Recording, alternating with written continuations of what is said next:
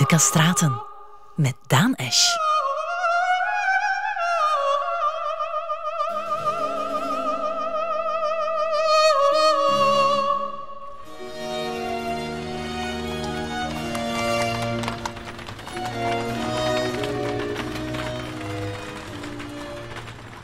De eerste stad waar ik je vandaag mee naartoe neem is het Bologna van de 17e eeuw.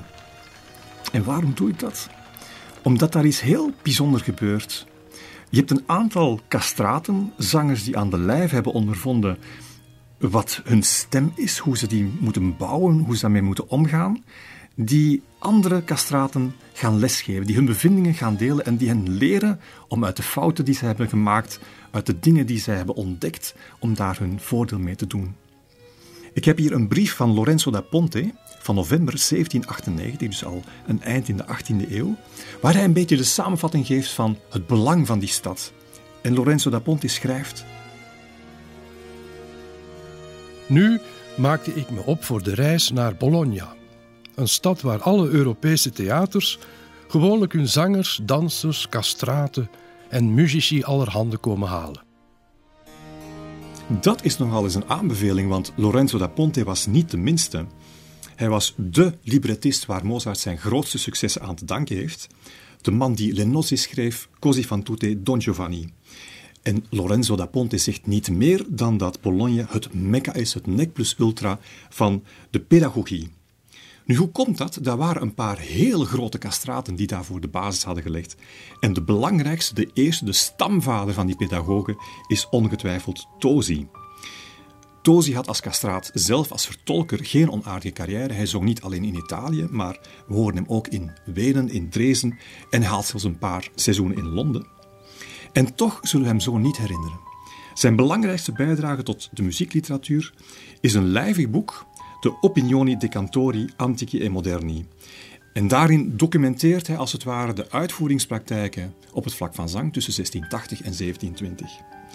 Nu, dat boek wordt een instant hit. Het wordt vertaald in het Engels, in het Frans, in het Duits. En Agricola, die eh, in Duitsland als een leidinggevende figuur in de muziek wordt gezien, die schrijft daarover: Tosi's werk is ongetwijfeld het beste boek dat ooit over de zangkunst is geschreven. Dat is ook een aanbeveling die kan tellen. Nu, wat doet Tosi in dat boek? Hij verdedigt de oude zangstijl tegenover de nieuwe, de nieuwe die zich vooral toespitst op virtuoze allegro's in grote terzonaarden. En wat Tosi probeert te doen, is terug te keren naar de idealen van de Florentijnse camerata, die de muziek dienstbaar achten aan het genre. Met name opera moet de gevoelens daarstellen, moet een geloofwaardige dramatische handeling kunnen aankondigen en is niet bedoeld om een solist te laten schitteren.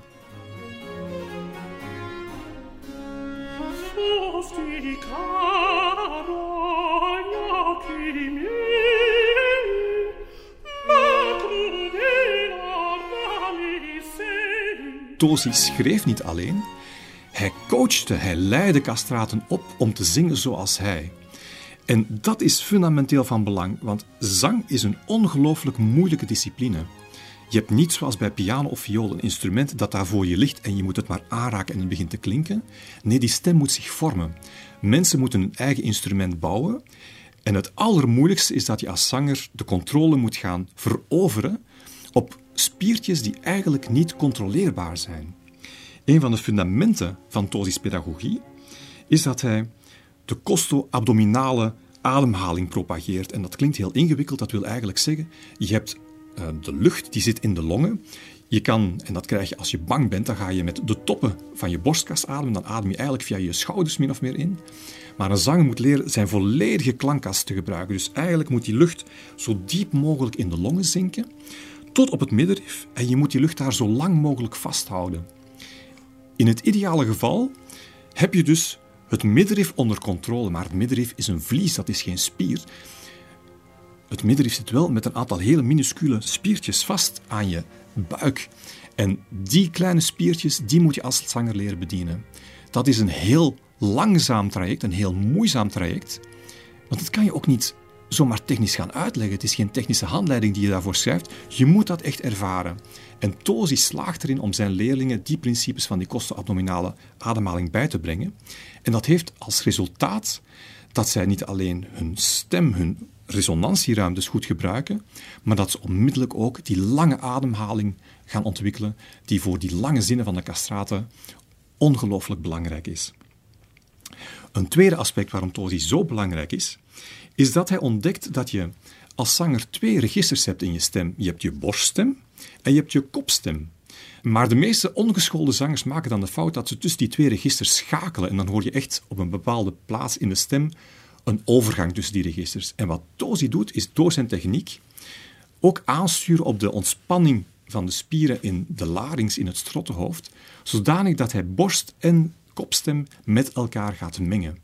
En dat maakt dat zij met zeer veel gemak en met een egaal timbre in hun hele ambieten kunnen gaan zingen. Dat zijn de belangrijkste verdiensten van Tozi. En dan voeg ik daar nog één ding toe. Dat is dat hij ook leert dat zingen gemakkelijk moet lijken.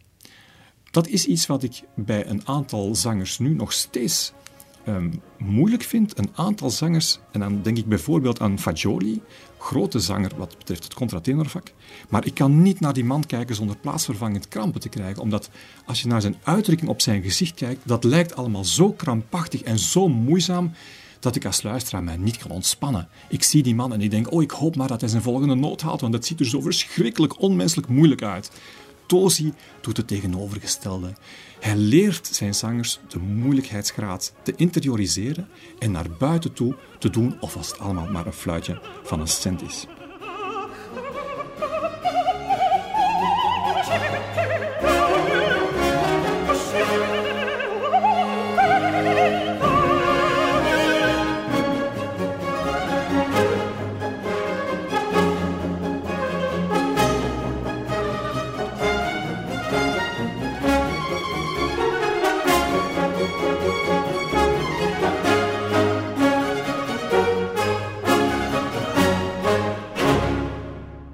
Tozi's grote verdienste is dat hij zijn kennis als geroemd interpreet overbrengt op zijn leerlingen. Tozi kijkt naar de stem alsof het een evidentie is. Hij had zo'n talent dat hij het makkelijk had om te beseffen wat er in zijn lijf gebeurde en om dat aan anderen uit te leggen. Maar niet elke pedagoog heeft die luxe. Pistocchi is daar zo'n voorbeeld van. Pistocchi start als een soort Mozart in het klein, nog voordat Mozart eigenlijk geboren is. Hij is echt een wonderkind. Op zijn derde zingt hij al voor publiek. Op zijn vijfde zingt hij voor de kardinaal van Toscane en die vindt hem zo goed dat hij meteen in de kapel van San Petroni wordt ingelijfd. Hij debuteert op zijn vijftiende en dan gaat hij met zijn vader, die ook een heel gewaardeerd violist en zanger is, op tournee. Dus het wordt een soort vagantenbestaan zoals Mozart met zijn vader, waar ze alle hoven, alle belangrijke centra langs gaan. Maar dan gebeurt het. Pistocchi krijgt een enorme stemcrisis en verdwijnt jarenlang van het podium. Groot drama. Hij wil zijn stem heroveren, maar het lukt hem niet. Nu, uiteraard, er moest brood op de plank komen en aangezien hij niet meer kon zingen, begon hij dan maar te componeren. Maar hij gaat ook in de leer. Hij gaat met name in de leer bij de componist Perti, en Perti helpt Pistocchi om zijn stem terug te vinden. Nu, na die tien jaren is het uiteraard wel zo dat de stem van Pistocchi beschadigd is, dus die sopraan heeft hij niet meer, en hij keert terug als alt. En het vreemde is dat zijn stem blijvende schade heeft ondergaan. Dus als je naar de literatuur kijkt in die tijd, zijn er heel weinig mensen die zeggen dat Pistocchi een bijzonder rijke stem heeft. Wat hem wel doet opvallen is zijn ongelooflijke interpretatiegave. Met andere woorden, het is niet zijn materiaal, maar wat hij ermee doet dat Pistocchi bijzonder maakt. En typerend is een commentaar van Bouzy. Zijn uitstraling heeft meer te maken met de verheven scholing en de macht van de kunst dan met zijn natuurlijke gaven. Als Pistocchi gelouterd terugleert zingen, de man die hij daarvoor moet danken is Perti, een componist waar Pistocchi als castraat een aantal operas van zal creëren. Dan is hij uiteindelijk teruggekeerd als alt, als diepe zangstem. Hij doet dat niet onaardig, maar helaas gaat zijn carrière na een korte heropleving opnieuw bergaf. En er is een bijzonder oneerbiedige satire in het Venetiaans dialect dat een idee geeft van de dramatische ontsporing die dat moet hebben aangenomen. Dat is een redelijk vernietigende kritiek. Als Pistocchi een triller uitvoert, kan je dat vergelijken met het geluid dat je normaal hoort wanneer je met een grote zak noten schudt.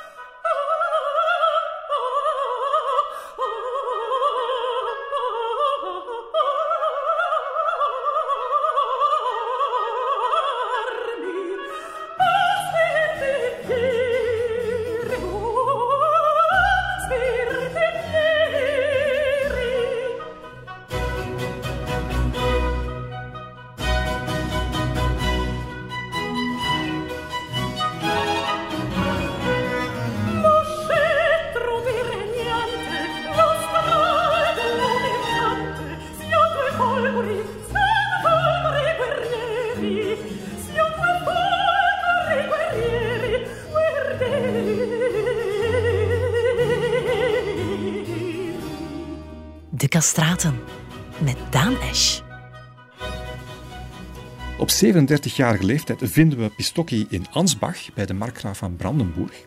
Daar is hij kapelmeester en daarin werkt hij heel vaak met partituren die van de muzici, van de instrumenten, een ongelooflijke virtuositeit vergen. Met name de partituur van Torelli. Pistocchi bekijkt die en hij leert daaruit hoe kan ik dat nu als zanger gaan kopiëren? Welke elementen van het bijzonder complexe muzikale idioom kan ik als zanger ook gaan nabootsen met mijn stem. En wat hij doet in de zangschool die hij vervolgens opricht, is een eigen stijl ontwikkelen. De Bolognese stijl wordt dat genoemd, waar de instrumentale technieken worden toegepast en vertaald naar de stem. Dus hij leert eigenlijk mensen met hun stem te doen wat niemand tot voor die tijd technisch voor mogelijk hield. Leidt dat tot leeg vertoon? Nee, absoluut niet. Want Tosi, die zelf enorm veel waarde hecht aan eenvoud in de muziek, die prijst Pistocchi als de beste zanger van zijn tijd, gezegend met een uitgelezen smaak en het vermogen zijn leerlingen de schoonheid van de zangkunst bij te brengen, zonder dat zij het voorgeschreven tempo geweld aandoen. En Agricola voegt daar nog iets veel mooier aan toe. De zangkunst heeft veel verbeteringen aan hem te danken. Hij bezat het geheim om iedereen volgens zijn eigen kunnen en bijzondere vocale eigenheden te laten zingen. Daardoor is de zangwijze van zijn leerlingen zeer verscheiden, maar altijd degelijk, omdat hij het toevallige van het wezenlijk schone in de zangkunst wist te onderscheiden. Dat is voor mij de essentie van een goede pedagoog. Een goed pedagoog is iemand die ziet wat voor materiaal er voor hem staat en die in die zanger, als het ware, gaat ontdekken wat die zanger zo uniek maakt, wat zijn speciale talenten zijn en die die talenten water gaat geven, voeding gaat geven, zodat de zanger uitgroeit tot een heel bijzonder individueel vertolker. Helaas loopt het met niet alle leerlingen even goed af, want veel van die pupillen ontdekken de trucendoos die Pistokje aanreikt en vallen in de valkuil van de smakeloosheid. En een van die overijverige studenten is zeker Bernacchi. Bernie vat het begin van zijn loopbaan heel mooi samen. De natuur had hem geen mooie stem gegeven. Toen hij voor het eerst in Bologna zong, misnoegde hij zijn publiek zozeer dat enkele van zijn kennissen hem ronduit zeiden dat hij het zingen maar beter kon laten als hij het niet beter kon. Daardoor raakte Bernacchi zo van slag dat hij zich tot het uiterste inspande, omdat hij wist dat het niet meer mogelijk was om een andere carrière uit te bouwen. Een castraat heeft zelden genoeg moed en kracht om zich aan wat anders dan aan de muziek te wijden. Hij zette zich dus met veel vlijt aan het werk en door strenge studie verwierf hij zich een stijl en een kunde die hij daarna tot het boegbeeld van de kunst verhief. Als je dit leest, dan herken je onmiddellijk de parallel met Pistocchi, die ook een stemcrisis heeft gehad en die ook heeft moeten leren om vanaf de grond zijn stem opnieuw te bouwen. Bernacchi heeft weliswaar geen stemcrisis gehad, maar hij heeft wel moeten werken, hij heeft hard moeten investeren om het weinige materiaal dat hij had te doen ontplooien. Nu, hij is er wel degelijk in geslaagd. Hij debuteert in Genua en dan gaat het met zijn carrière stijl bergop. Hij verovert in een mum van tijd alle operahuizen in Italië.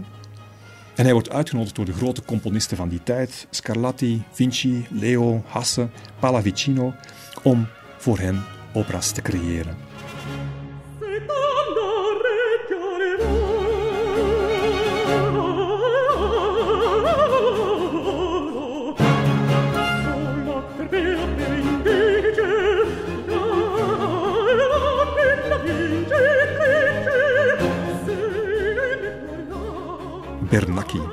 Hij groeit uit tot een naam op Europees niveau. En net op het moment waarop hij in Italië wordt uitgeroepen tot koning der zangers, moet Pistocchi hem op zijn nummer hebben gezet. Met de vernietigende uitspraak: Ach, arme ik, ik leerde jou zingen en jij wil klinken als een instrument. Tu vuoi sonare, een oorvijg van je welste, omdat dat net is waar Tosi en Pistocchi ook het accent op legden van je mag niet te ver gaan. Je moet de kunst die je als zanger tentoonspreidt gebruiken en ten dienste stellen van de muziek en niet ten dienste van ja, je persoonlijke kunnen. Het gaat om de muziek, het gaat niet om jou als vocale matador uh, op het podium te brengen. Die woorden vielen niet in Dovermans oren en Bernacchi heeft zijn stijl daarna wel stevig bijgeschaafd, heeft zich aan een kritisch zelfonderzoek onderworpen en is gelouterd uit dat proces gekomen. Dat blijkt ook, want als Bernie hem daarna hoort in zijn Londense debuut, dan schrijft hij weer iets heel anders. Zijn zangstem lijkt van nature zwak en onvolmaakt. Maar hij compenseert dat gebrek met zoveel kunstzinnigheid dat zijn vertolkingen steeds meer door zangpedagogen worden gewaardeerd dan door het gewone publiek. Bernacchi bleef het heel zijn carrière lang niet gemakkelijk hebben. Want hij had een heel erg lichte stem. Dat maakte hem bij uitstek de vertolker van vrouwenrollen. Maar hij had wel het probleem dat in die tijd de decoraties die gezongen moesten worden, met de technieken van Tosi en Pistocchi, werden die in het gemengde register gebracht. Maar zelfs in dat register had Bernacchi eenvoudigweg niet de kracht om boven het orkest uit te komen. Ja, dan heb je als zanger natuurlijk wel een groot probleem. Nu, Bernacchi is ongelooflijk creatief. Hij is ook, als, zoals gezegd hadden, een heel harde werker.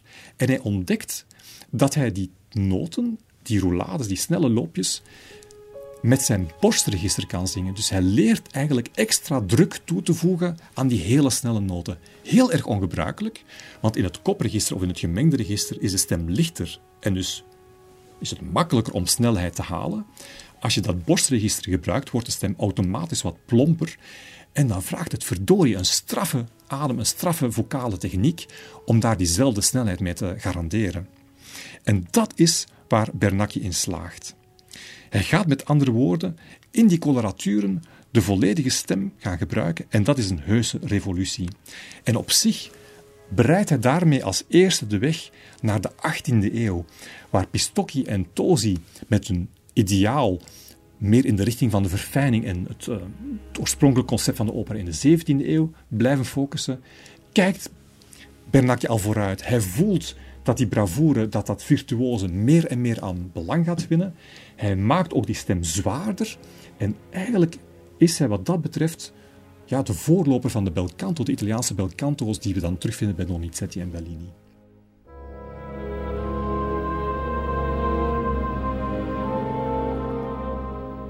Wat mij erg frappeert bij Bernacchi is het volgende.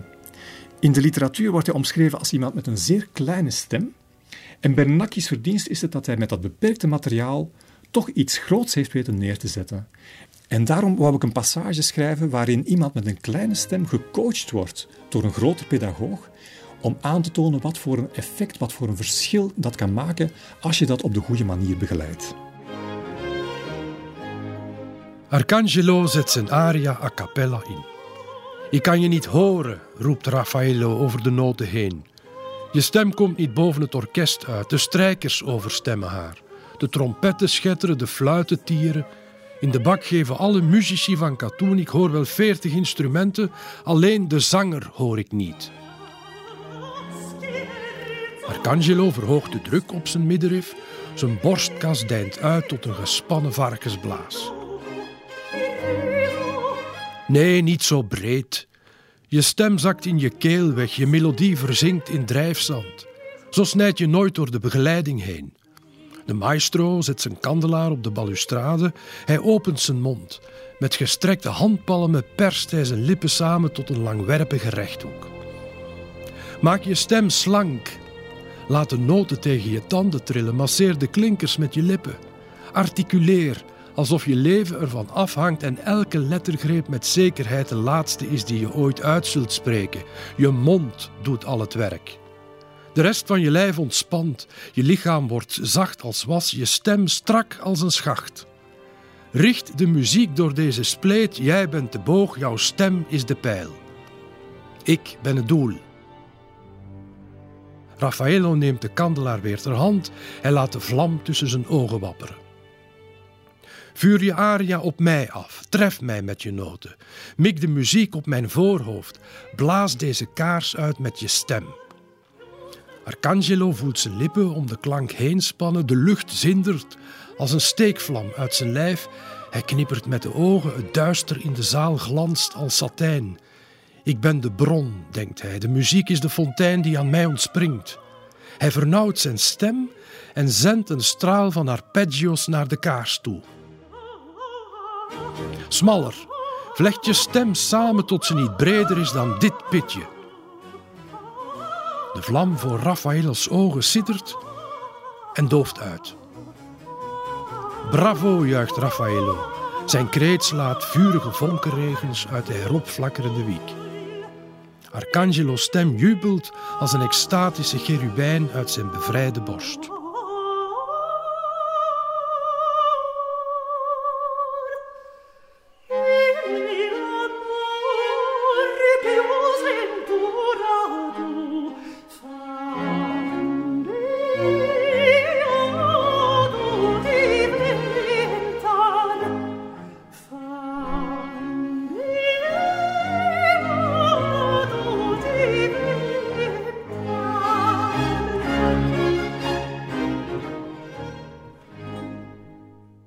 Terug naar Bologna, want we willen natuurlijk weten hoe die castraten hebben bijgedragen tot de ontwikkeling van de zangkunst.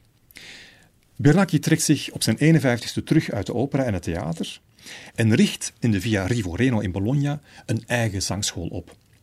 Wat hij zijn pupillen daarbij bijbrengt, is het uitvoeren van die decoraties door het stoten vanuit de borst. Dus hij met meer kracht, met meer geweld die coloraturen gaan brengen. Nu, dat zet wat in beweging. Want alle groten uit die tijd, Senesino, Carestini, zelfs Farinelli, die volgen bij hem les. En via de pedagogische talenten van die leerlingen wordt die techniek ook weer doorgegeven aan andere zangers, niet alleen in Italië, maar ook in Duitsland. Na Tosi en Pistocchi is Bernacchi een derde man die Bologna op de kaart zet op het vlak van zangtechniek. En je ziet dan dat heel veel grote zangers en heel veel grote castraten die kant op trekken. En dat mag ook blijken als je kijkt welke leerlingen Bologna allemaal grootbrengt. En daar zijn toch wel een paar serieuze kanonnen tussen.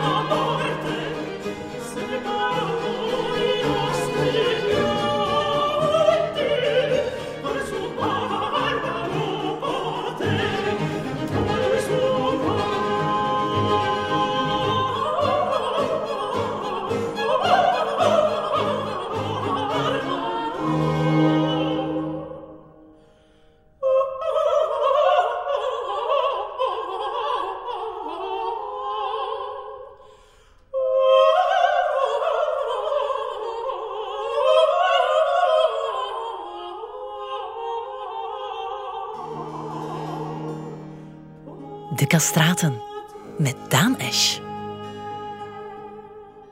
Een van mijn absolute favoriete castraten, die speciaal naar Bologna afzakt om zich te laten scholen, is Francesco Bernardi. Hij komt uit Siena, vandaar zijn bijnaam Senesino. Senesino is een bijzonder schrander zanger. En wat hem zo uniek maakt, is dat hij het beste gaat combineren wat Pistocchi en Bernacchi te bieden hebben.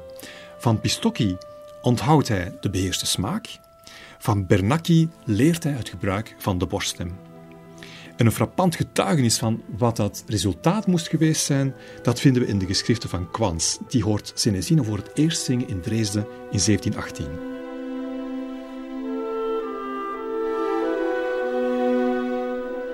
Hij had een krachtige, zuivere, egale en zoete contralto-stem, met een perfecte intonatie en een excellente triller. Zijn zangstijl was meesterlijk en zijn voordracht ongeëvenaard. Hij overlaadde zijn adagio's nooit met te veel versieringen, maar bracht de originele en de essentiële noten met het grootste raffinement. Hij zong allegro's met veel vuur en markeerde snelle loopjes vanuit het borstregister op een duidelijke en aangename wijze. Zijn expressie leende zich goed voor het toneel en zijn spel was steeds natuurlijk en voornaam. Aan deze kwaliteiten voegde hij zijn majestueuze verschijning toe, maar zijn uiterlijk en postuur maakten hem meer geschikt als held dan als minnaar. Je merkt het hier, hè? Quans vat heel mooi samen wat ik net gezegd heb. Voordrachtdeclamatie is ongelooflijk belangrijk. En de muziek, de techniek, zal het nooit van de waarheid in de muziek gaan winnen. Fetis vat het nog mooier samen.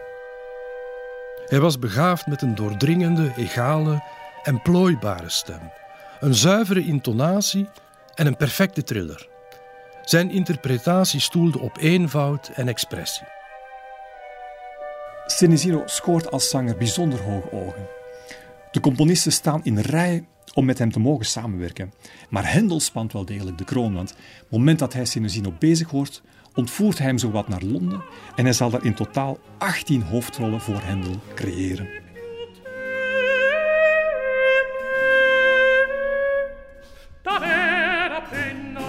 De verleiding is heel groot om ervan uit te gaan dat Senesino zijn publiek verblindde, omdat hij een ongelooflijke meester was in alles wat hij deed.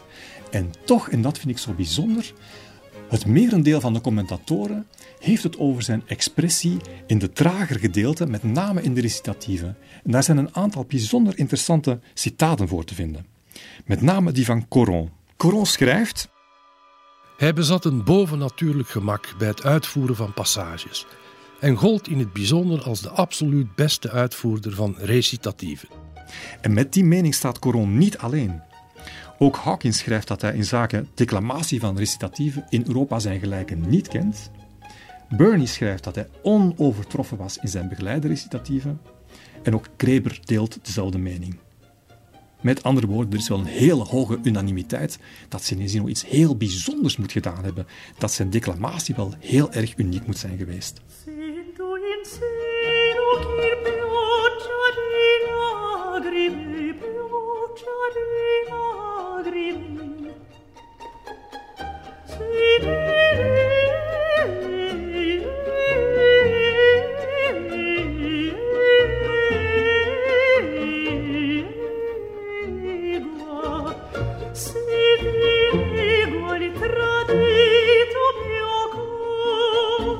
Er zijn heel veel zangers waar in de loop van hun carrière commentaar over begint te krijgen. Zoals de grote Farinelli, die hele stukken in zijn carrière duidelijk slachtoffer wordt van zijn eigen kunnen en zich vergalopeert en zich laat meeslepen door de mogelijkheden van zijn stem. Dat vind je bij Sinesino nooit terug. Die man had een ongelooflijke balans. Die wist waartoe hij in staat was, maar liep daar niet mee te paraderen.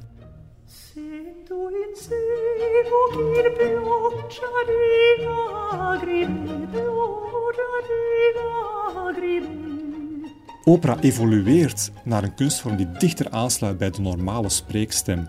En zonder dat we hier over spreekgezang gaan spreken, want dat is natuurlijk wel echt een brug te ver, voel je dat Senesino begrijpt waar het met de muziekliteratuur naartoe gaat. Hij begrijpt dat het publiek aan de ene kant die technische virtuositeit nodig heeft en tegelijk dat je de muziek haar waarde moet laten, dat je met andere woorden ook moet kunnen overtuigen als het materiaal, als de noten schaars en spaarzaam zijn. Dat maakt hem voor mij een groot kunstenaar. Je merkt het ook in de manier waarop Hendel voor Senesino zal schrijven. Vaak gaat het om operas waar Senesino een rol speelt die een bravoure-aria heeft waar je echt van je stoel van valt. En aan de andere kant zitten daar dan stukken bij die je zo naar de keel grijpen, ook al zijn die misschien niet het meest virtuoze wat Hendel ooit geschreven heeft. En die balans, die span om dat te kunnen doen, zowel dat technisch verbluffende als dat ik zal eens even bij je strot nemen, dat in één stuk kunnen brengen en dat als solist in één avond kunnen vertolken, ja, dat is voor mij een waarmerk van een echt groot kunstenaar. Oh, en toen ik dat allemaal las, dan dacht ik van god, die teletijdsmachine van Barabbas, dat moet toch wel iets fenomenaal geweest zijn als dat echt zou bestaan hebben. Want dan zou ik zeker teruggekeerd zijn in de tijd en naar een voorstelling zijn geweest waar Senesino Rinaldo zong. En Rinaldo was geen opera die voor hem geschreven was, maar Hendel heeft die opera of tenminste de partij voor Senesino, één noot lager getransponeerd, zodat Senesino hem zou kunnen zingen. En hem Lascia Chioppianga horen zingen, dat moet volgens mij musical bliss van het hoogste niveau geweest zijn.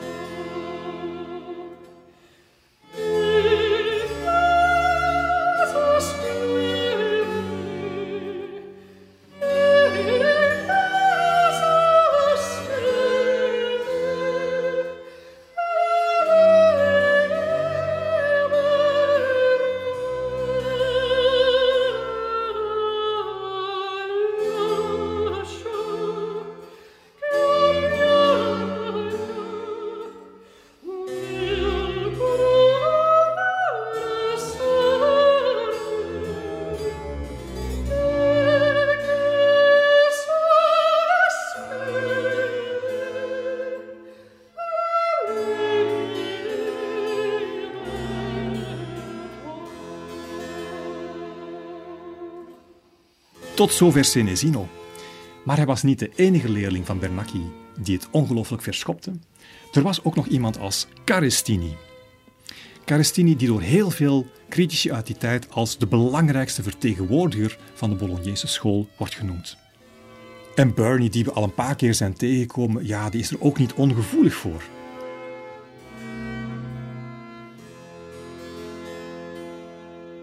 Hij heeft waarschijnlijk de volste, fijnste en diepste castraatstem die ooit werd gehoord. Carestini was een reizige figuur, mooi en majestatisch. Hij was een erg geanimeerd en intelligent acteur en het enthousiasme en de levendige, vindingrijke verbeelding in zijn composities maakte alles wat hij zong interessant door de goede smaak, energie en oordeelkundige versieringskunst. Carestini maakt een onwaarschijnlijke carrière. Hij zit in Italië, hij zingt in Oostenrijk, hij zingt in Duitsland, dan gaat hij naar Engeland, hij landt in Rusland en ondertussen is hij nog een keer in Duitsland. Het is een echte jetsetter. Carestini had een heel gezonde techniek en dat maakte dat hij bijzonder lang heeft gezongen.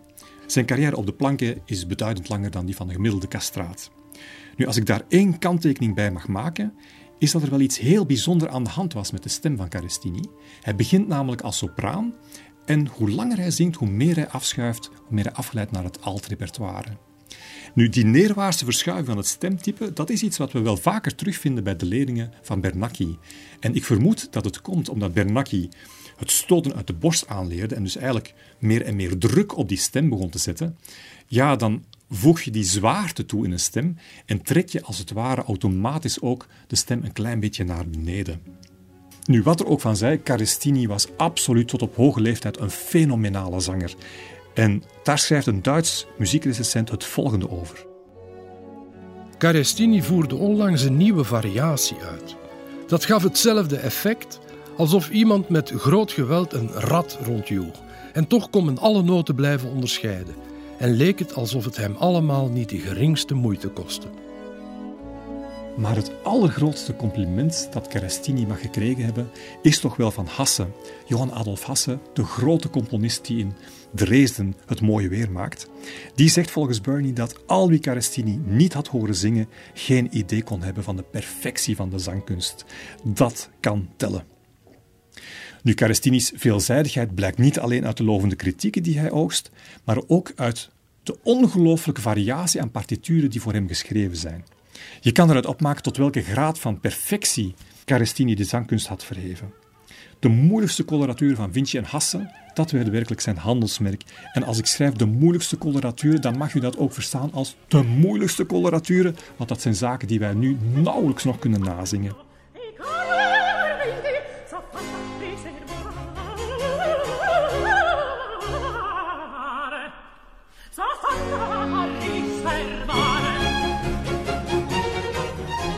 Carestini deed dat, net zoals in het citaat dat we net gehoord hebben, met een verbluffend gemak. En toch, en toch, zijn grootste muzikale troef was niet die virtuositeit, maar opnieuw het vermogen om met hele simpele muzikale middelen, een heel eenvoudige taal, de innigste emoties op het podium tot leven te brengen. Hij was daarboven nog een bijzonder aantrekkelijke man, een heel begenadigd acteur en meer nog dan Hendel, meer nog dan Hasse, meer nog dan Vinci, is het Gluck die daarmee zijn profijt uiteindelijk zou doen. Gluck zal twee aria's speciaal voor Carestini schrijven. Dat zijn aria's die wij nu veel minder op het repertoire terugvinden, Demofonte en Sofonisba. Maar die Demofonte, daar bestaan wel opnames van, onder meer met Philip Jaruski. En daarin zingt Carestini de rol van Timante. En dat is misschien wel leuk om eens een keertje naar te luisteren.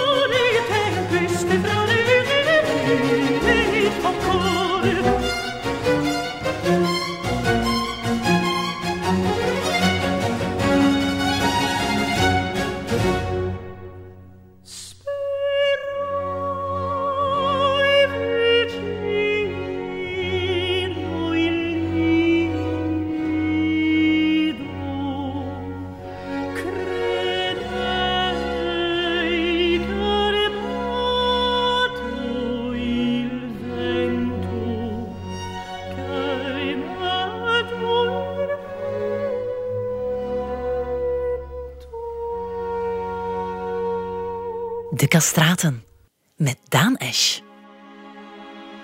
Bologna gold heel erg lang als het mekka van de zangkunst. Maar we mogen niet vergeten dat er een rivaliserende stad was, Napels, waar ook heel wat gebeurde op het vlak van de pedagogie. Het grote onderscheid tussen Bologna en Napels is dat in Bologna het zangonderricht een beetje van en voor castraten was. De pedagogen daar waren allemaal castraten. In Napels is er niet één castraat die andere castraten lesgeeft. Wat heeft Napels dan wel? Napels heeft een keuren van de beste componisten en dat is een traditie die heel lang wordt voortgezet. We beginnen al met Provenzale, dan gaat het over op zijn leerling Scarlatti en dan krijgen we een aantal figuren zoals Porpora, Leo, maar ook Vinci, Giomelli, Piccini en in het Buffo-genre Zingarelli, Percolesi, Paisiello, Cimaroso. Dat zijn toch allemaal wel klinkende namen. We gaan inzoomen op de zangers onder hen en dan begin ik bij Porpora. Porpora, die op zich als zanger niet veel voorstelde, hij was een middelmatige tenor en ook als componist zou ik hem nu niet bepaald in de rangorde der grote inschalen. Maar goed, hij heeft wel zijn rol vervuld in de muziekgeschiedenis. En hij gold wel als een boegbeeld wat betreft het aanleren van die zangpraktijk. Porpora is een geboren opportunist en je ziet het ook aan de manier waarop hij met zijn carrière omspringt. Hij voert een soort stoelendans uit tussen verschillende conservatoria naar gelang het hem uitkomt, naar gelang hij meer betaald wordt. We vinden hem eerst aan San Onofrio, dan start hij zijn eigen privépraktijk op en daar volgen Farinelli en Caffarelli les. Daarna gaat hij kortstondig naar Londen, waar hij een eigen operaavontuur uit de grond stampt. Hij keert terug naar Napels aan het Santa Maria di Loreto Conservatorium en van daaruit gaat de reis weer naar Wenen. Kortom, waar het geld is, is Porpora.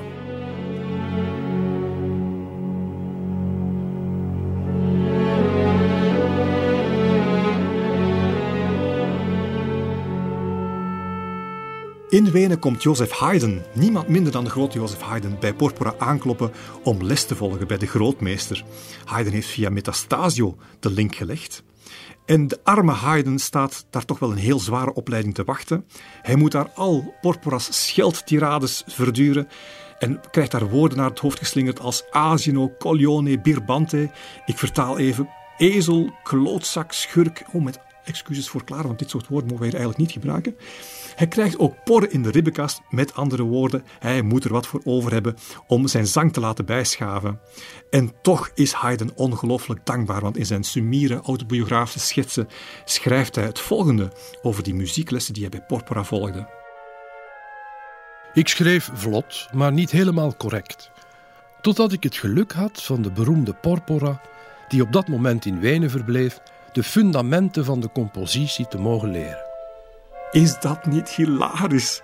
De geniale Haydn, die ongelooflijke sonaten schrijft, die concerti schrijft om van te snoepen, die in de leer moet gaan bij een man als Porpora, waar werkelijk geen enkele compositie kan aanspraak maken op eeuwigheidswaarde. Het is een staaltje van Haydn's ongeloofwaardige bescheidenheid en zijn eeuwige dankbaarheid. Uh, ik vind het wel heel erg bijzonder om Porpora zoveel lof toe te zwaaien. Want wat was nu de basis, wat was het fundament van Porpora's leerschool? Alles draaide rond virtuositeit. En dat plaatst Porpora op dezelfde voet met Bernacchi, die onbeschaamd de 18e eeuw inkijkt, die verder wil met het belcanto en die waar mogelijk het publiek een knieval wil doen. Porpora voelt waar het geld in zit en hij volgt gewoon zijn commercieel instinct. En dat merk je aan zijn compositiestijl. Het gaat over rijk versierde melodieën met overladen cadenzen, maar een zeer simpele, om niet te zeggen bijzonder mager uitvallende begeleiding. Het accent ligt eenduidig op concentratie op vocaal vertoon en dat merk je ook in de opera's die hij schrijft tussen 1720 en 1730.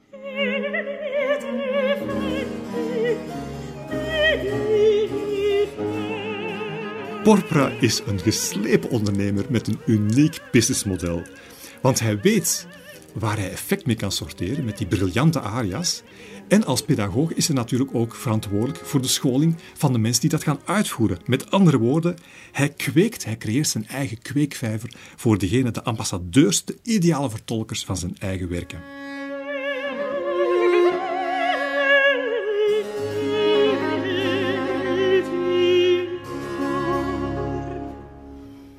Het is niet allemaal negatief natuurlijk, want Porpora is meer dan een charlatan. Hij weet ook wel hoe hij mensen moet raken in het hart. Hij doet dat dan ook met overtuiging. En hij brengt zijn leerlingen ook bij hoe ze de uitdrukkingskracht kunnen verdiepen, specifiek om dat effect van die ontroering voor elkaar te krijgen. Maar daarboven, en dat vind ik wel een heel unieke dimensie, beklemtoont hij dat een onberispelijke uitspraak noodzakelijk is. Gerber vat dat heel mooi samen. Zijn verdienste bestond erin dat hij onderricht gaf voor een zangwijze die het hart aansprak. En dat hij het correcte voordragen van de woorden in recitatieven heeft aangeleerd. En dat is eerlijk gezegd iets waar ik vind dat heel wat moderne zangers die op dit moment ongelooflijk carrières maken, toch nog wel eens naar zouden mogen luisteren. Een lady als Anna Netrebko vind ik waanzinnig knap wat zij op vak van stem allemaal kan bijbrengen en muzikaliteit. Maar vaak in haar aria's versta ik niet eens de woorden. En dat vind ik dan jammer, omdat dan voor mij een deel van de betekenis verloren gaat. Ik denk dat zij zeer veel baat zou hebben van een les bij Porpora en een paar sporren in haar ribben. Nu, die porren in de ribben mag je heel erg letterlijk opvatten, want Porpora ontwierp zijn leerlingen aan een echte kadaverdiscipline. Wat er ook van zij, Porpora's methode heeft effect. En je merkt het ook, hij trekt gigantisch veel leerlingen aan en daar zijn een aantal grootheden bij en waarschijnlijk de naam die op ieders lippen ligt als ik het woord castraat gebruik, Farinelli, is zijn beroemdste leerling. Dat kan natuurlijk ook wel gelden als een referentie. Eén ding wil ik er nog wel aan toevoegen. Wij gaan ervan uit in de huidige pedagogiek dat het respect voor mensen altijd even groot was. Ik tref daar in de commentaren van een Haydn en anderen heel weinig over aan. Porpora's methode was bikkelhard en zijn opleiding was Spartaans. Harriet heeft gesproken met Caffarelli, ook een andere heel beroemde leerling van Porpora. En Caffarelli vertelt wat de methode van Porpora inhield. Het was nogal heftig.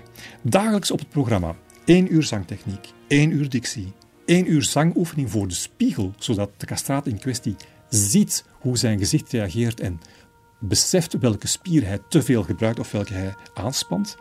Eén uur theorie en improvisatie op een thema, één uur geschreven contrapunt, weer een uur uitspraaktechniek en daarboven nog een portie compositie en klavecimbal. Ik hoef u niet bij te vertellen, dat waren loodzware programma's.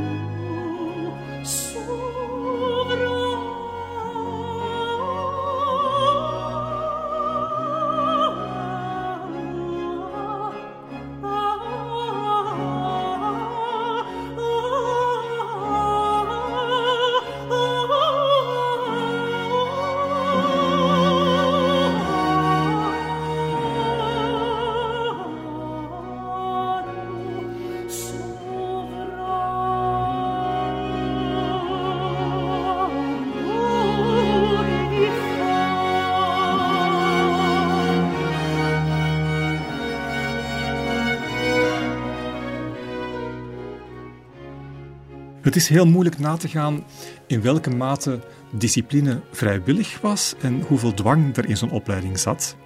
Porpora's methode om mensen uit te schelden en hen in de ribben te porren vind ik hoogst bedenkelijk en dat zou zeker in de huidige pedagogiek niet meer werken. En toch denk ik dat er in die tijd wel wat geweld werd gebruikt. Iedereen die ouders of grootouders heeft die op een katholiek internaat les gevolgd hebben, die kan daar wel van getuigen. En het zal eeuwen geleden best niet beter geweest zijn. En ik denk dat dat voor die zangers ook wel een harde leerschool was. Als zij niet snel genoeg capteerden waar het over ging, zal daar wel wat slaag bij gekomen zijn. En die dimensie heb ik ook belicht in mijn roman Stem, waar Arcangelo moeite heeft om vrij te leren zingen en hij eigenlijk hardhandig wordt gedwongen om de beperking van zijn lichaam, om de spanning in zijn lijf los te laten.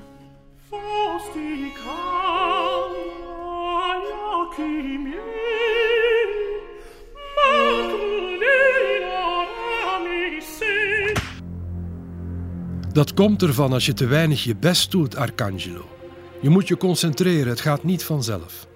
Gods zegeningen komen nooit zonder leed uit de hemel gevallen. Kijk me niet zo aan. Ik sla je niet voor mijn plezier, voor mij is dit net zo onprettig als voor jou. Ik weet wat je nu denkt: dat God zoiets nooit goed zou keuren. Maar Hij begrijpt waarom ik dit doe, precies zoals jij het moet begrijpen. Meesterschap heeft zijn prijs. En om je eraan te herinneren dat je nooit mag opgeven, is er deze pijn. Die komt niet van mij, jij stuurt haar aan. Want ook al ligt de zweep in mijn hand, jij bent het die haar bedient. Wanneer je aandacht verslapt en je gedachten afdwalen. Wanneer je de controle over je buikspieren en je keel verliest, dan veroorzaak je de pijn. Wees niet bang voor haar, zij is je beste vriend. Ze zal je wakker schudden tot je jezelf van haar bevrijdt. Dat is immers ook mijn doel, de pijn doen zwijgen, zodat je stem het van haar overneemt, tot je strot vrij wordt van alle remmingen die de muziek in jou de weg versperren. Met tranen in de ogen kijkt Arcangelo Fra Pancrazio aan. Hij ademt diep in, laat zijn middenrif zakken, vult zijn longen, blaast zijn flanken op, spant de buikspieren op als hees zijn boot de zeilen. Met de moed der wanhoop herhaalt hij dezelfde vocalize, maar de noten zijn hem veel te hoog, ze knellen in zijn keel. Als ze al naar buiten willen, durven ze het niet. Ze worstelen met zijn weerspannige stembanden voor hun vrijheid, wurgen zijn hals en snoeren zijn kaakspieren vast.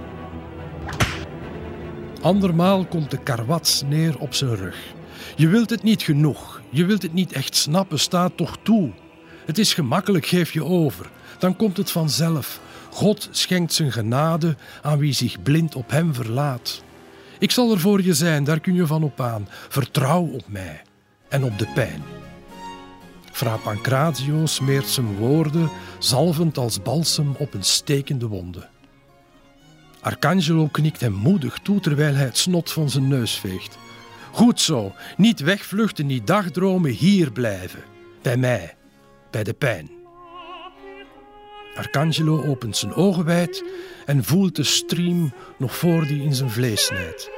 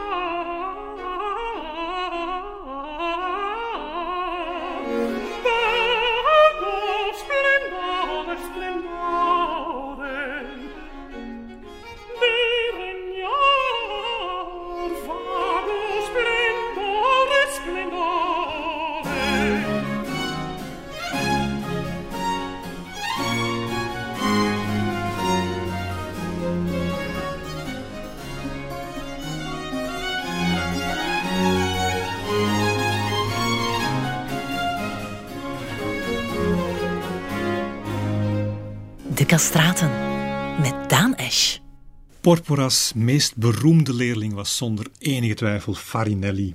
Farinelli, die geboren werd onder de naam Carlo Broschi, krijgt die naam omdat zijn carrière gesponsord wordt door de broers Farina, vandaar de naam Farinelli. Op 15-jarige leeftijd debuteert hij als sopraan in Napels in een kantate van Porpora op tekst van Metastasio. En Metastasio was in de wolken over Farinelli's vertolking. En hij draagt hem een aantal bijzonder lovende versen op. Appressero gemelli a schiore il volo, la tua voce parnasso il mio pensier. Jouw stem en mijn geest leren als tweelingen de hoogste toppen scheren op de Parnassus. Het zal je maar te beurt vallen, zoveel lof bij je debuut. Het debuut blijkt ook de voedingsbodem voor een bijzonder boeiende en langdurige vriendschap. Eigenlijk heb ik het idee dat Metastasio in Farinelli een tweelingsziel gevonden heeft. En hij schrijft daar een aantal heel mooie zinnen over. Nu, als je dat leest, dat stukje, dan zou je de verkeerde gedachte kunnen hebben. En dat is helemaal niet het geval. En Metastasio is zo wijs om dat ook nog um, even duidelijk te maken: dat niemand die lieve woorden zou verdraaien. Adieu, lieve tweelingbroer. Hou van mij zoals ik van u hou. Zo zult u mijn oneindige begeerte naar uw liefde vervullen en recht doen aan de liefdevolle toewijding waarmee ik uw vriend en trouwe dienaar ben en zal blijven. Je kan me niet beter uitdrukken dan te zeggen dat ik net zoveel van u hou als u verdient. Maar laten we ophouden met deze tedere woorden, zodat een kwaadwillig iemand die afgunstig is op de rechtschapenheid, de zachtheid, de oprechtheid en de onbaatzuchtigheid van onze vriendschap ze niet kan verdraaien.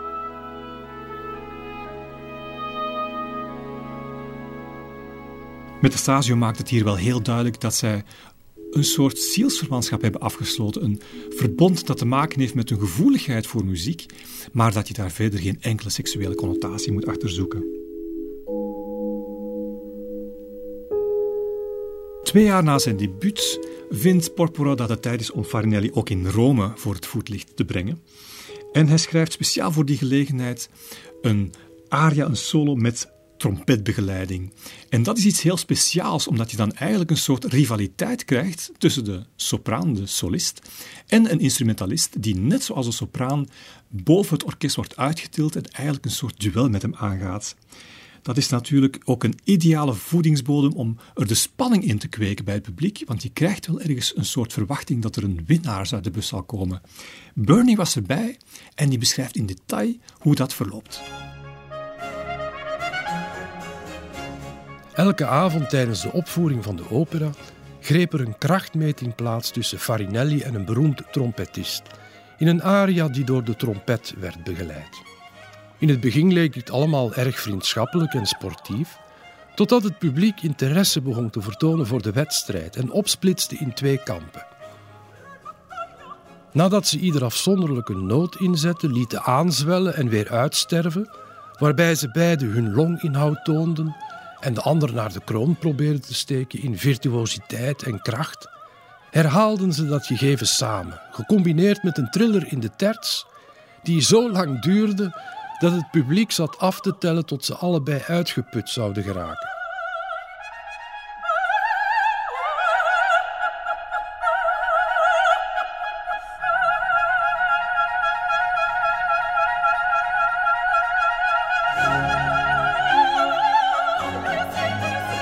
En inderdaad gaf de trompetist buiten adem op in de veronderstelling dat zijn tegenstander even op was als hij zelf en het een onbesliste strijd zou zijn. Maar Farinelli, met een lach op zijn gezicht, om te laten zien dat hij zich alleen maar wat had vermaakt, barstte zonder in te ademen uit in een herhaling van dezelfde moeilijke passage, waarbij hij de noot niet alleen deed aanzwellen en uitsterven, maar ook liet overgaan in een triller en zich daarna met de snelste en moeilijkste loopjes amuseerde en alleen tot zwijgen kon worden gebracht doordat het gejuich van het publiek hem uiteindelijk overstemde.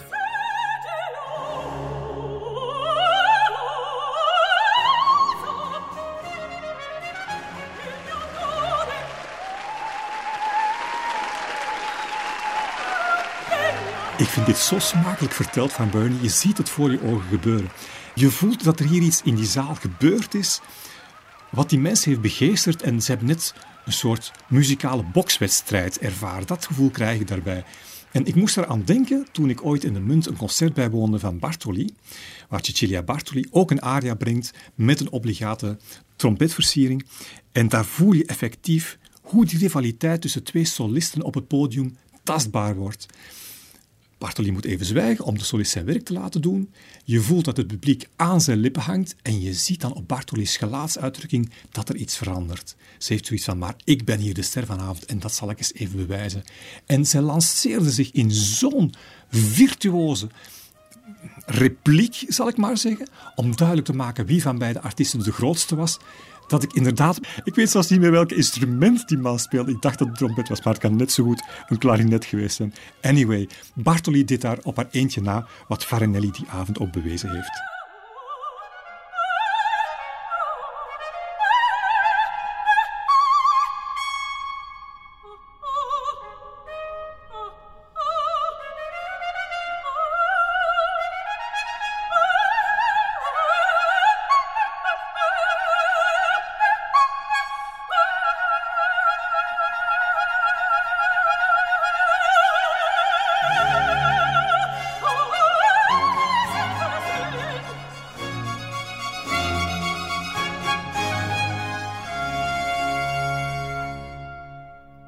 Deze strijd blijft onbetwist. Maar er is een strijd die Farinelli verloren heeft. En dat wil ik ook wel eens graag met u delen. Farinelli treedt op aan de zijde van Bernacchi. Bernacchi, de beroemde pedagoog uit Bologna. Nu, Farinelli voelt zich heel erg zelfzeker. Hij is veel jonger dan Bernacchi. Hij vindt dat zijn stem vele malen interessanter is. En je krijgt een virtuoos vocaal duel, waar de ene de andere naar de kroon probeert te steken wat virtuositeit betreft. Farinelli opent zijn aria met een hele trucendoos, alles wat hij bij Porpora geleerd heeft. En Bernacchi antwoordt door alle versieringen die Farinelli heeft gebracht uit te voeren met een verhoogde verfijning en een verhoogde afwerking.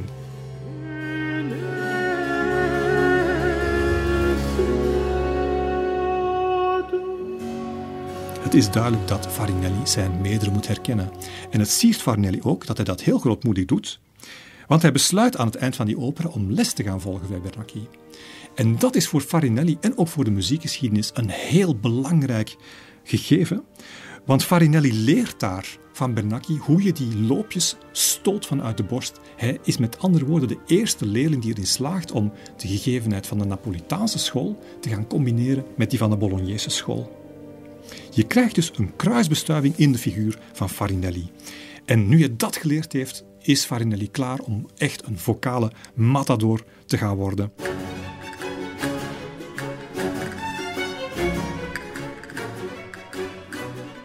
Porpora was er een keien om de talenten van zijn leerlingen te gebruiken in zijn composities. Dus hij paste zijn partituren echt aan aan het vlees dat hij in de kuip had. Maar Farinelli had ook nog een broer, Riccardo Broschi. Die componeerde ook en had eigenlijk nog minder smaak dan Porpora. Hij schreef daar een aantal aria's voor hem die werkelijk affreus zijn om naar te luisteren, maar waar je wel een ongelooflijke staalkaart krijgt van Farinelli's kunnen.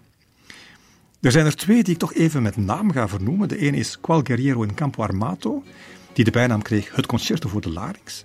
En de andere aria, Son quel nave. En Son quel nave is een aria die ook in de film Farinelli gebruikt wordt. En daar heb je een voorbeeld van die onthutsende mezza di voce. De pianissimo die aanzwelt tot de fortissimo, dan weer afneemt tot een pianissimo. En als je dan denkt dat het eigenlijk al gedaan is, dan barst Farinelli nog los in een hele hoop versieringen die je met een triller beëindigt. Smaakloos? Zeker, maar effect had het wel.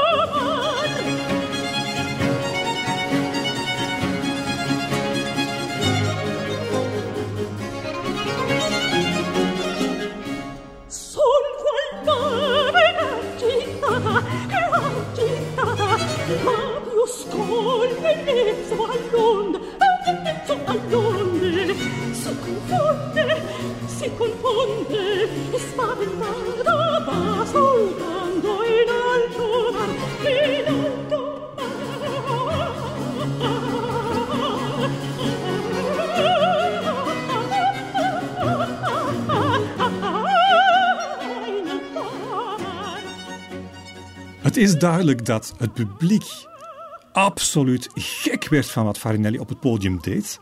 Maar niet alle muziekcritici waren dezelfde mening toegedaan. En je voelt dat Joachim Quans, die Farinelli in Napels aan het werk hoort, weliswaar vol lof is over de technische kwaliteiten van Farinelli, maar toch ook wel zijn reserves uit. En dan schrijft hij: Farinelli had een penetrante, mooi afgeronde, weelderige, heldere en egaal sopraanstem, van de lage A tot de hoge D. In latere jaren breidde hij zijn register nog naar beneden uit, zonder zijn topnoten evenwel te verliezen. Zijn intonatie was zuiver, zijn triller mooi, zijn longinhoud buitengewoon en zijn larynx geweldig bewegelijk, zodat hij met het grootste gemak en accuratesse de grootste intervallen in een hoog tempo kon zingen. Het vuur van zijn jeugdigheid, zijn talent, de bijval en zijn goed getrainde keel verleidden hem af en toe tot smakeloos vertoon. Ondanks zijn aangename verschijnen was zijn acteren nonchalant.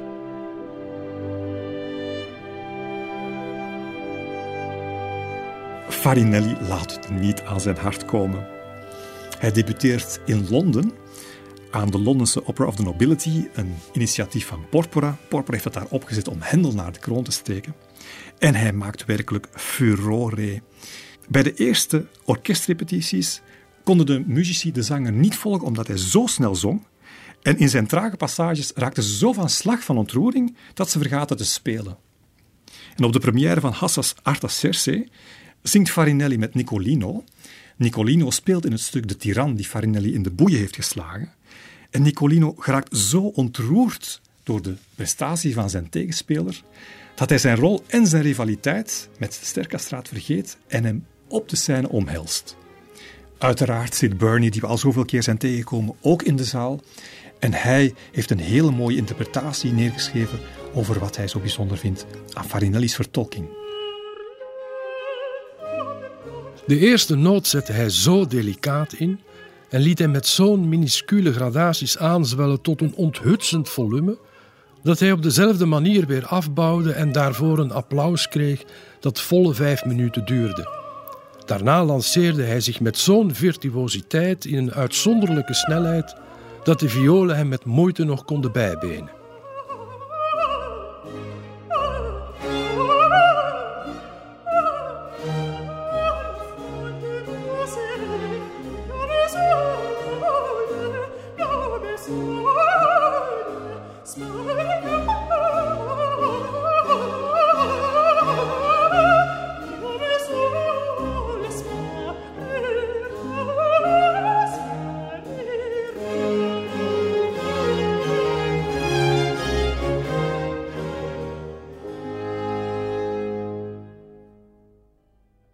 Farinelli verovert alle harten met zijn zang, inclusief het hart van Paolo Antonio Rolli. En Paolo Antonio Rolli was een librettist, een goede vriend van Senesino, een andere zanger die we al behandeld hebben. En wat zo bijzonder is, is dat Farinelli erin slaagt om Rolli te doen toegeven dat Farinelli wel degelijk de grootste is. Ik moet je laten weten, want dat verdient Farinello, dat Farinello een revelatie voor me was. Want ik besefte dat ik tot dan toe nog maar een klein deel had gehoord van alles waartoe de menselijke stem in staat is, terwijl ik nu weet dat ik alles gehoord heb wat er te horen valt. Rolly is wel zo wijs om daar niet aan toe te voegen dat hij ook alles gezien had wat er te zien was. Want Farinelli was misschien een mooie gestalte, tenminste voor zover we kunnen opmaken uit de vele portretten die van hem gemaakt zijn. Maar als acteur was hij toch wel wat ondermaats. En op latere leeftijd neigde hij naar zwaarlijvigheid. Dat was een kwaaltje waar heel wat castraten aan leidden. En dat had ook met de ingreep te doen waarbij een hormoonhuishouding lelijk door elkaar gehaald werd. Over Farinelli's acteertalent, of eerder het gebrek daaraan, heb ik een veelbetekende passage teruggevonden. Helaas is het een anonieme publicatie. En ik vermoed dat ik als auteur ook niet graag mijn naam onder zou zetten, want het is eigenlijk een klein beetje een nauwelijks verholen scheldtirade. Als je in de buurt komt van St. James Park, heb je vast wel eens gezien met wat voor gemak en snelheid een voldrachtige koe overeind komt na een trap van de melkmeid. Zo ongeveer kwam de goddelijke Farinelli recht van de bemoste oever en waggelde naar ons toe. Met lange passen kwam hij wat dichterbij en zette zijn linkerhand op zijn heup, netjes gebogen als het handvat van een ouderwetse kandeelkom, terwijl zijn rechterhand onbeweeglijk op zijn borst rustte, totdat hij zo stijf werd dat zijn linkerhand hem moest vervangen, waarna de opgeluchte rechterhand diens plaats als het andere oortje van de kandeelkom overnam. Vreselijk, vreselijk dit stukje uit Reflections upon Theatrical Expression in Tragedy, of beter het gebrek aan theatrical expression. Nu, voor het goede begrip, een kandeelkom, wat is dat precies? Een stukje servies dat gebruikt werd om kandeel te presenteren. En kandeel is een warme drank die bereid wordt uit wijn, bier of melk met een eierdooier, suiker en kaneel en die bij vreugdemalen geschonken werd daags na belangrijke vieringen zoals huwelijk of geboorten eigenlijk een beetje een anti-kater-ding dus. En ja, daar zal je dan als zanger toch maar mee vergeleken worden. Wat er ook van zij, Farinelli is de enige zanger die ooit tijdens een voorstelling het citaat naar zijn oren kreeg geslingerd door een heel enthousiaste dame uit het publiek. One God, one Farinelli. En dat doet waarschijnlijk deze anonieme uitbrander een klein beetje de niet. Farinelli's verblijf in Londen is van korte duur. Farinelli merkt dat interesse in opera doodbloedt en hij wil er niet bij zijn op het moment dat daar de eerste koppen rollen. Hij bent voor ziek te zijn en hij vertrekt met stille trom en met een heel goed gevulde buidel. Want per seizoen had hij een gage van 1500 pond, maar dankzij de giften van de vele bewonderaars die hij ondertussen heeft verzameld, wordt dat maar liefst 5000 pond per jaar en dat is een astronomisch hoog bedrag in die tijd. Hij keert terug naar Italië en zingt in Parma voor Elisabeth, waardoor hij uiteindelijk belandt aan het hof van Philips V, de echtgenoot van Elisabeth. Philips V is een heel vreemde vorst in het Spaanse koningshuis. Een man die eigenlijk de politiek en alle beslissingen aan zijn vrouw Elisabeth overliet en die eigenlijk helemaal wegdeemsterde in zijn eigen depressie. En Elisabeth die hoopte dat Farinelli door zijn zang de vorst er een beetje bovenop zou kunnen helpen. Nu, vreemd genoeg, dat lukt.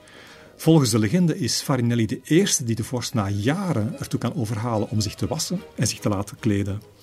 En daarna ontstaat er een heel mooie vriendschap tussen de vorst en Farinelli. En er is een legende waarvan het waarheidsgehalte nu niet meer te achterhalen is. Die zegt dat Farinelli elke avond voor de vorst zong, tussen middernacht en vijf uur, en dat hij daarbij altijd dezelfde lieder zou hebben gedebiteerd. Die zijn zelfs geregistreerd. Dat zouden twee aria's uit Hasses Artaserse zijn, en ook een aria uit Ariosti en eentje, Quel Usignole, de nachtegaal van Giacomelli, waar Farinelli zijn eigen variaties voor schreef. Ik kan me ook inbeelden dat Farinelli elke avond weer iets anders deed met die aria, zodanig dat het niet altijd eentonig werd. Maar aan de andere kant denk ik van, god, die man had zo'n ongelooflijk repertoire, hij heeft vast wel wat anders gezongen. Ik weet niet of Philips V ooit van zijn depressies afgeraakt, maar met zo'n remedie als een zingende castraat die je elke avond op zo'n privéconcert vergast, moet het met zijn depressie toch wel een beetje beter zijn gesteld geraakt.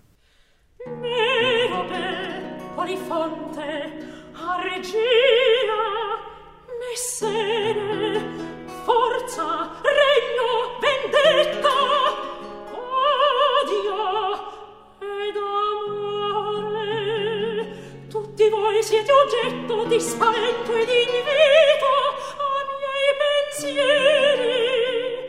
Ma fra gli affetti miei, quel che più mi combatte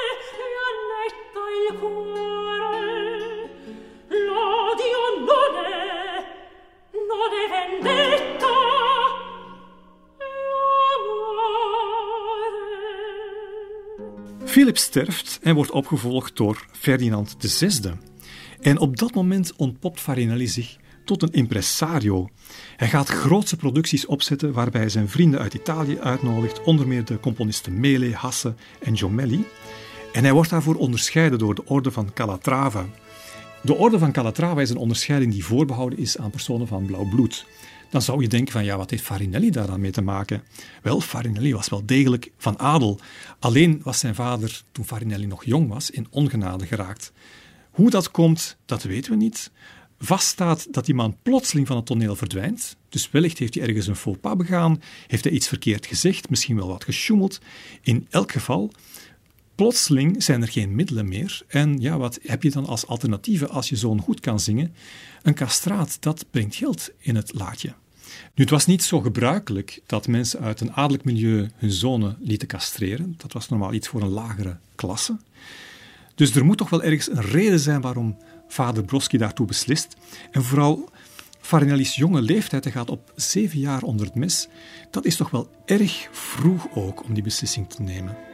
Wat er ook van zij, Farinelli had een goede opvoeding genoten. Hij was van goede familie en dat maakte hem tot een heel goede gesprekspartner die ook best wel wist hoe je in die diplomatieke kringen moest bewegen. En dat levert hem ook geen windeier op, want tijdens de periode van Ferdinand VI ontpopt hij zich als politicus en diplomaat.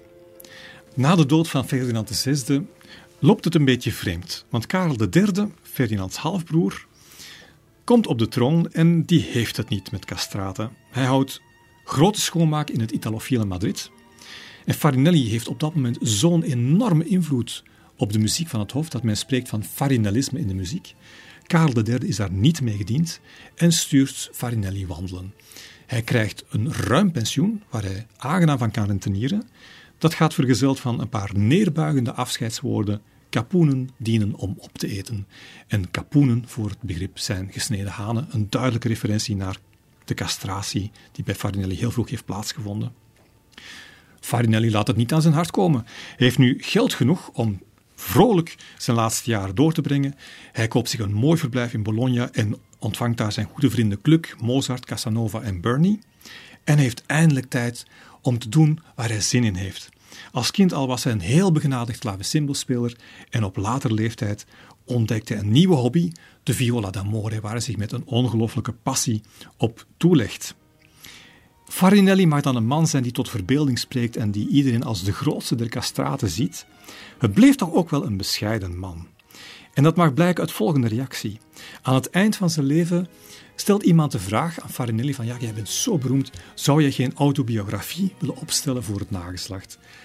En Farinelli antwoordt op een heel ontwapende manier: Waarvoor? Voor mij is het genoeg te weten dat ik niemand schade heb berokkend. En daar wil ik graag aan toevoegen dat het me spijt dat ik niet zoveel goeds heb kunnen doen als ik had gewenst.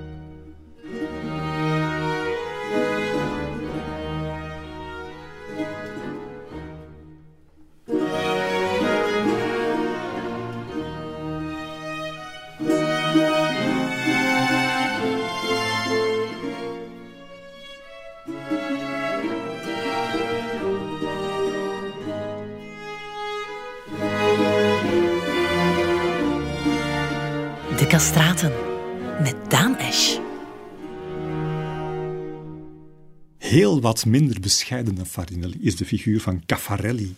Als wij nu over een diva spreken, dan denk ik dat Caffarelli daarvoor model heeft gestaan. Caffarelli wordt geboren als Gaetano Maggiorano, wordt op aandringen van de muzikant Caffaro in Norcia gecastreerd. Pas op zijn twaalfde wordt hij dus als Caffarelli geboren.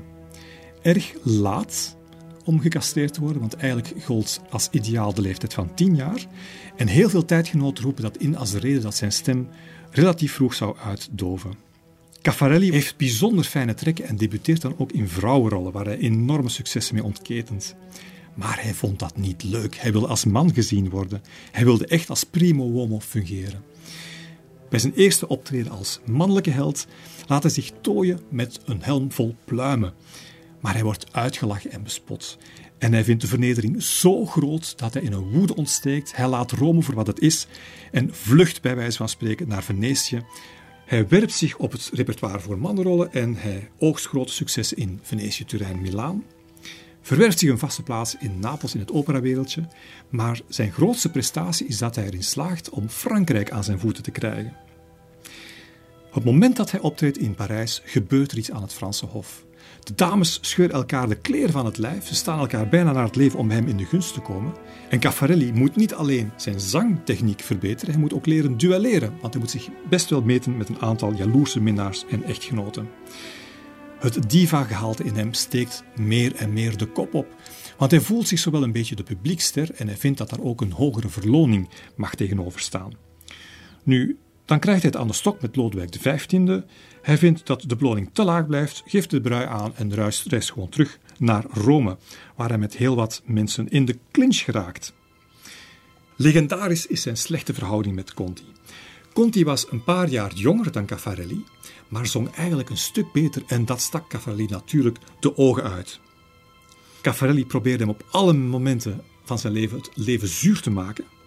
En hij maakte het zo bond dat Conti in 1741 een uitnodiging in Napels weigerde, omdat hij niet meer met Caffarelli wou optreden.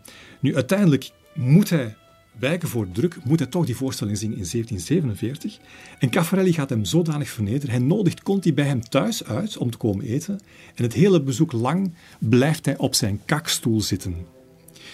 In Luca ontketent Caffarelli een rel, omdat hij daar een jaar na Conti gaat zingen en hij weigert voor minder te zingen dan de gage die Conti heeft gekregen. En wat doet het management? Heel ironisch geeft ze hem één testeno, dus een paar centimen meer. Nu, Caffarelli was sowieso een hatelijk man. Als hij op het podium stond, dan maakte hij zijn medesolisten belachelijk door zijn partij te veranderen, door de noten op een ander moment te gaan zingen, door syncopes toe te passen, dus na de tel te gaan zingen. Dus hij zong met andere woorden zijn partners er gewoon letterlijk en figuurlijk in. En op het moment dat ze niet meer wisten waar ze het hadden, maakte hij dan verder belachelijk door hun partij voor te zingen of de maat te gaan slaan. Niet alle tegenspeelsters waren daarmee gediend. Op een voorstelling van Hasses Antigone speelt hij met Anna Astrua en haalt hij dezelfde venijnige truc uit waar hij haar er gewoon in zingt. Maar Astrua had heel geweldige minnaars die toch wel goed geplaatst waren in de politieke wereld. En om Caffarelli een lesje te leren zorgde hij ervoor dat hij zijn belediging mocht uitzweten door een celstraf van drie dagen. Nu, Caffarelli had niet alleen minachting voor zijn medezangers, maar uh, op de duur had hij het ook moeilijk om eender welke vorm van gezag te accepteren. Er is ook zo'n verhaal bekend waar hij het vertikt om op te treden voor kardinaal Albani in Rome. Nu, die man had een heel festijn op poten gesteld waar Caffarelli zou zingen. Die is er natuurlijk niet van gediend dat Caffarelli niet komt opdagen en stuurt zijn dienaars naar Caffarelli thuis. Caffarelli zit in zijn nachtkleed. Bedenkt de smoes dat hij te veel tijd nodig heeft om zich om te kleden en daarom niet gekomen is. En die dienaars die tillen hem met geweld uit zijn bed, nemen hem mee naar de kardinaal en doen hem daar het hele aria recital voorzingen in zijn nachtkleed.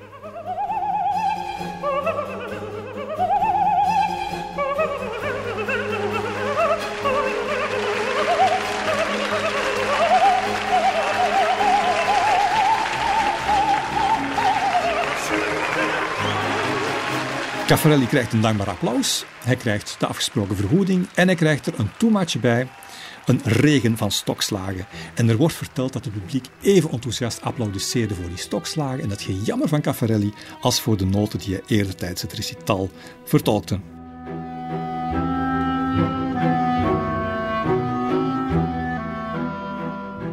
Uiteraard kan je je als zanger dit soort zaken niet permitteren als je niks anders te bieden hebt. Ondanks Caffarelli's overduidelijke slechte karakter maakt hij ongelooflijk veel indruk. En volgens Bernie zou Porpora, die toch wel met heel veel grootheden heeft samengewerkt, hem de allergrootste zanger hebben genoemd die Italië ooit heeft voorgebracht. Baron Grimm is in Versailles en beschrijft welke indruk Caffarelli op hem nalaat. Het is moeilijk een beeld te schetsen van de graad van perfectie van deze zanger.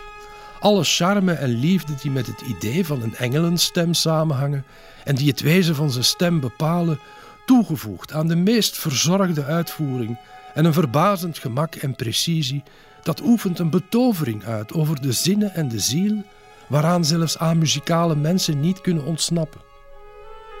Bescheidenheid was niet Caffarelli's sterkste kant. En inzicht in zijn eigen kunnen zat er misschien ook niet in. Want zijn stem verdwijnt vrij snel op zijn 52ste, maar heeft niet de tegenwoordigheid van geest om daar zijn conclusie uit te trekken en het podium te verlaten. Dat moet tot heel wat pijnlijke voorstellingen hebben geleid. En daar lees je dan toch wel een aantal zaken over ja, die mij dan toch ook wel pijn doen, want dan voel ik plaatsvervangend schaamte voor Caffarelli. Van Vitelli vat dat zo samen. Hij zong als een oude castraat die de muziek kent, maar hij zag eruit als een vettigheid, met een lelijke harde stem. En zo bewonderde het volk in hem de reliquie van degene die ooit de beste castraat na Farinelli was. Niet alle castraten waren zo verwaand als Caffarelli. En Gioacchino Conti is daar een mooi voorbeeld van.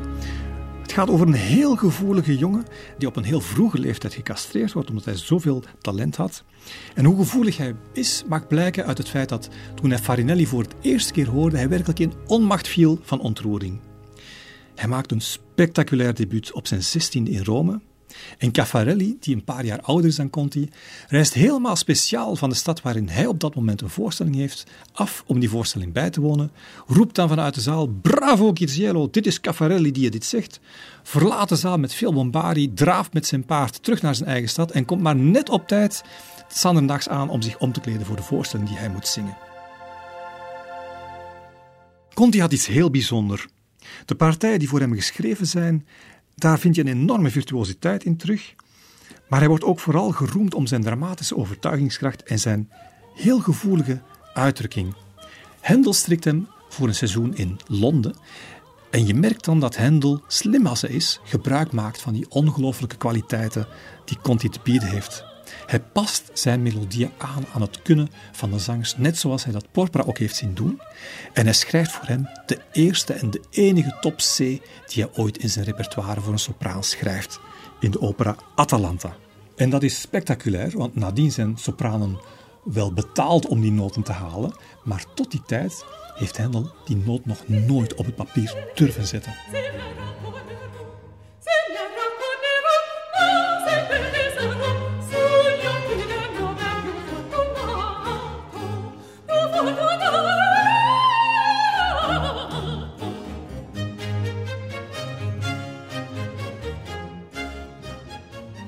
Conti's avontuur in Londen loopt niet zo fijn af. Het Londens publiek is oververzadigd door het genre en Conti keert naar Rome terug zodra eigenlijk de beide operatheaters min of meer failliet zijn. Met zijn gevoelige natuur houdt hij er een grote kater aan over. Hij wordt vier jaar later ook zwaar ziek. En vanaf dan ziet hij zich genoodzaakt om de da capos in zijn arios te laten vallen, omdat hij gewoon de stamina niet meer heeft om ze volledig uit te zingen. Hij trekt daarna naar het Hof van Lissabon, hij wordt uitgenodigd door Farinelli om in Madrid te komen zingen en hij geeft zijn kennis en wijsheid door aan een aantal leerlingen. En een typisch slot voor zijn leven waar gevoeligheid toch zo belangrijk is, is dat hij zich uiteindelijk van de wereld afzondert. Conti is de enige die niet eindigt in een rijke villa, maar die zich in een klooster terugtrekt om te sterven.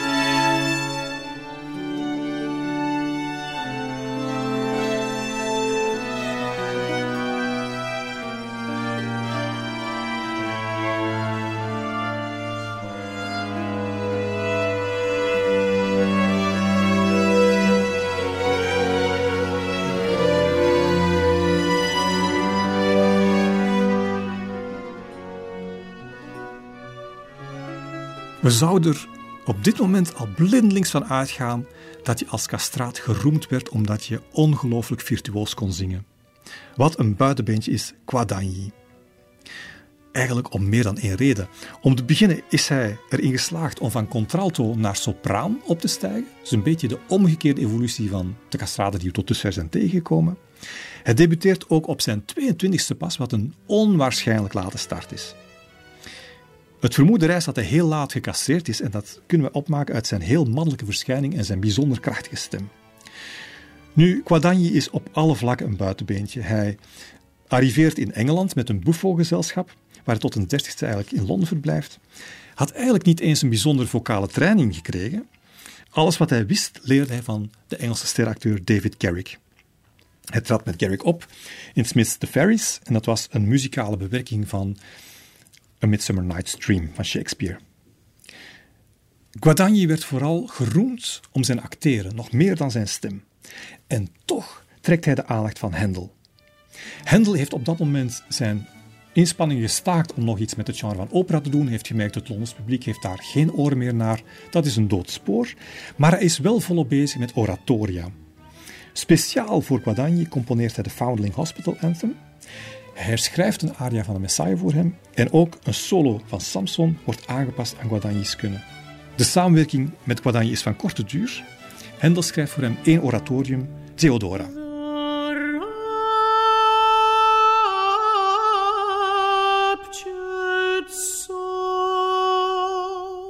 Toch mogen we niet onderschatten wat voor een invloed die Guadagni gehad heeft, zowel op de stijl van Hendel als op de stijl van de opera's daarna. Waar de meeste castraten tot dusver de klemtoon leggen op het uitpakken met hun stem en de technische mogelijkheden, hecht Guadagni totaal niet aan bravoure. Dat kan hem werkelijk gestolen worden. Hij wil zich profileren als een zingend acteur.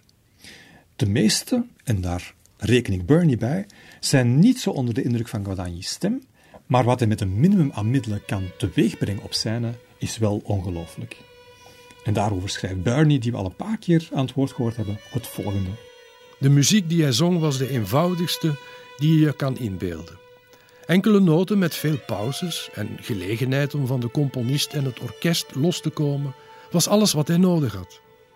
Ik verbaasde me erover dat hij met zo weinig middelen zoveel effect sorteerde en begreep dat het geheim voornamelijk school in zijn kunstzinnig aanzwellen en terugnemen van de tonen van zijn stem, zoals de wegebbende noten van een eolische harp. De meeste zangers boeien door hun zweller of hun messa di voce. Guadagni daarentegen kon een noot na het aanzwellen zo fijn als een draadje uitspinnen en creëerde daardoor een effect van grote afstand.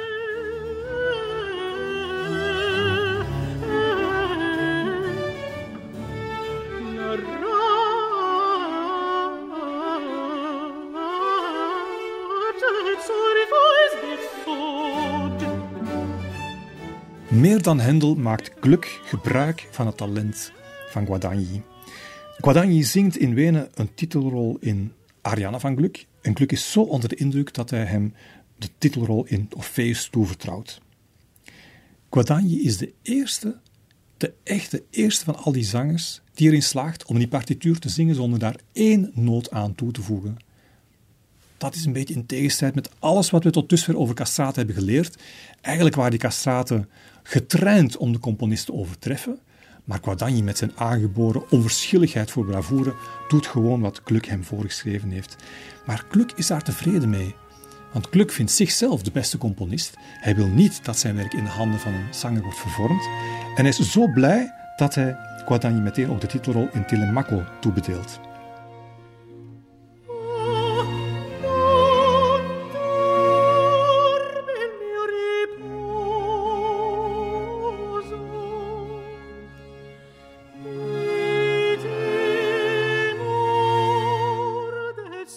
Guadagni slaagt erin om zijn publiek ook met weinig noten te ontroeren. Barney schrijft daarover: zijn houdingen en gebaren waren zo elegant en toepasselijk dat ze een excellente studie voor een beeldhouwer zouden zijn. Nu, wij kunnen ons daar weinig bij inbeelden, omdat wij sinds Stanislavski en de method acting gewend zijn dat acteurs spelen alsof ze het zelf meemaken. Maar in die tijd was het al een enorme prestatie als je als zingend acteur kon doen vergeten dat je Guadagni was, maar dat je wel degelijk een personage was. En de omschrijvingen die hier gebruikt worden zijn die van een acteur die verschillende poses aanneemt als een soort tableau vivant, maar dat moet de wereld op dat moment met verstomming hebben geslagen. Guadagni was ook bijzonder rolvast. Waar andere castraten bij elk open doekje uitgebreid het applaus in ontvangst namen, verdomde hij te buigen. Hij dacht van, ja, maar als ik dat nu doe, dan val ik uit mijn rol. En wat er nu gebeurt door dit applaus is dat de actie wordt lamgelegd. Dus hij negeerde dat gewoon. Wij zouden dat nu toejuichen als een vorm van rolvastheid, maar in die tijd werd hem dat niet in dank afgenomen. Guadagni is niet zomaar een vreemde eend in de bijt. Eigenlijk zet hij een trend in gang die de eeuw daarna de geschiedenis van de muziek zal veranderen. Hij geeft bijzonder weinig om bravoure. Het is hem enkel te doen om de waarachtigheid van de muziek. En je ziet dat hij de positie van de zanger anders inschaalt. De zanger moet niet langer degene zijn die de partituur optilt. De zanger moet degene zijn die de bedoeling van de componist respecteert. Er gloort een nieuwe dageraad.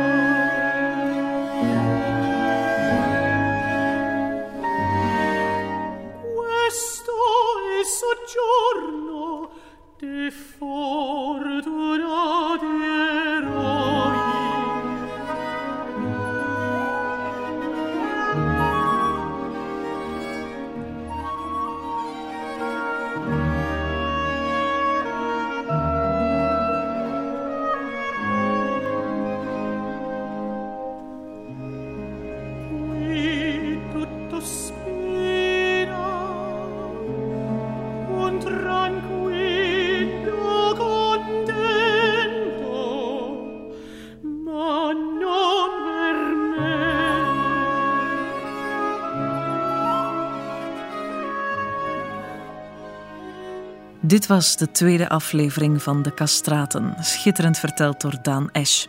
Mocht u een deel gemist hebben of het programma nog eens opnieuw willen beluisteren, dan kan dat op onze website, op de Clara-app of als podcast. Zoals altijd zijn we natuurlijk benieuwd naar uw reacties of uw vragen. Graag een mailtje naar decastraten.clara.be. Luister zeker ook volgende week, want dan is Daan Esch voor een laatste keer uw gastheer voor het derde deel van deze reeks over de castraatzangers. Nog een heel mooie avond.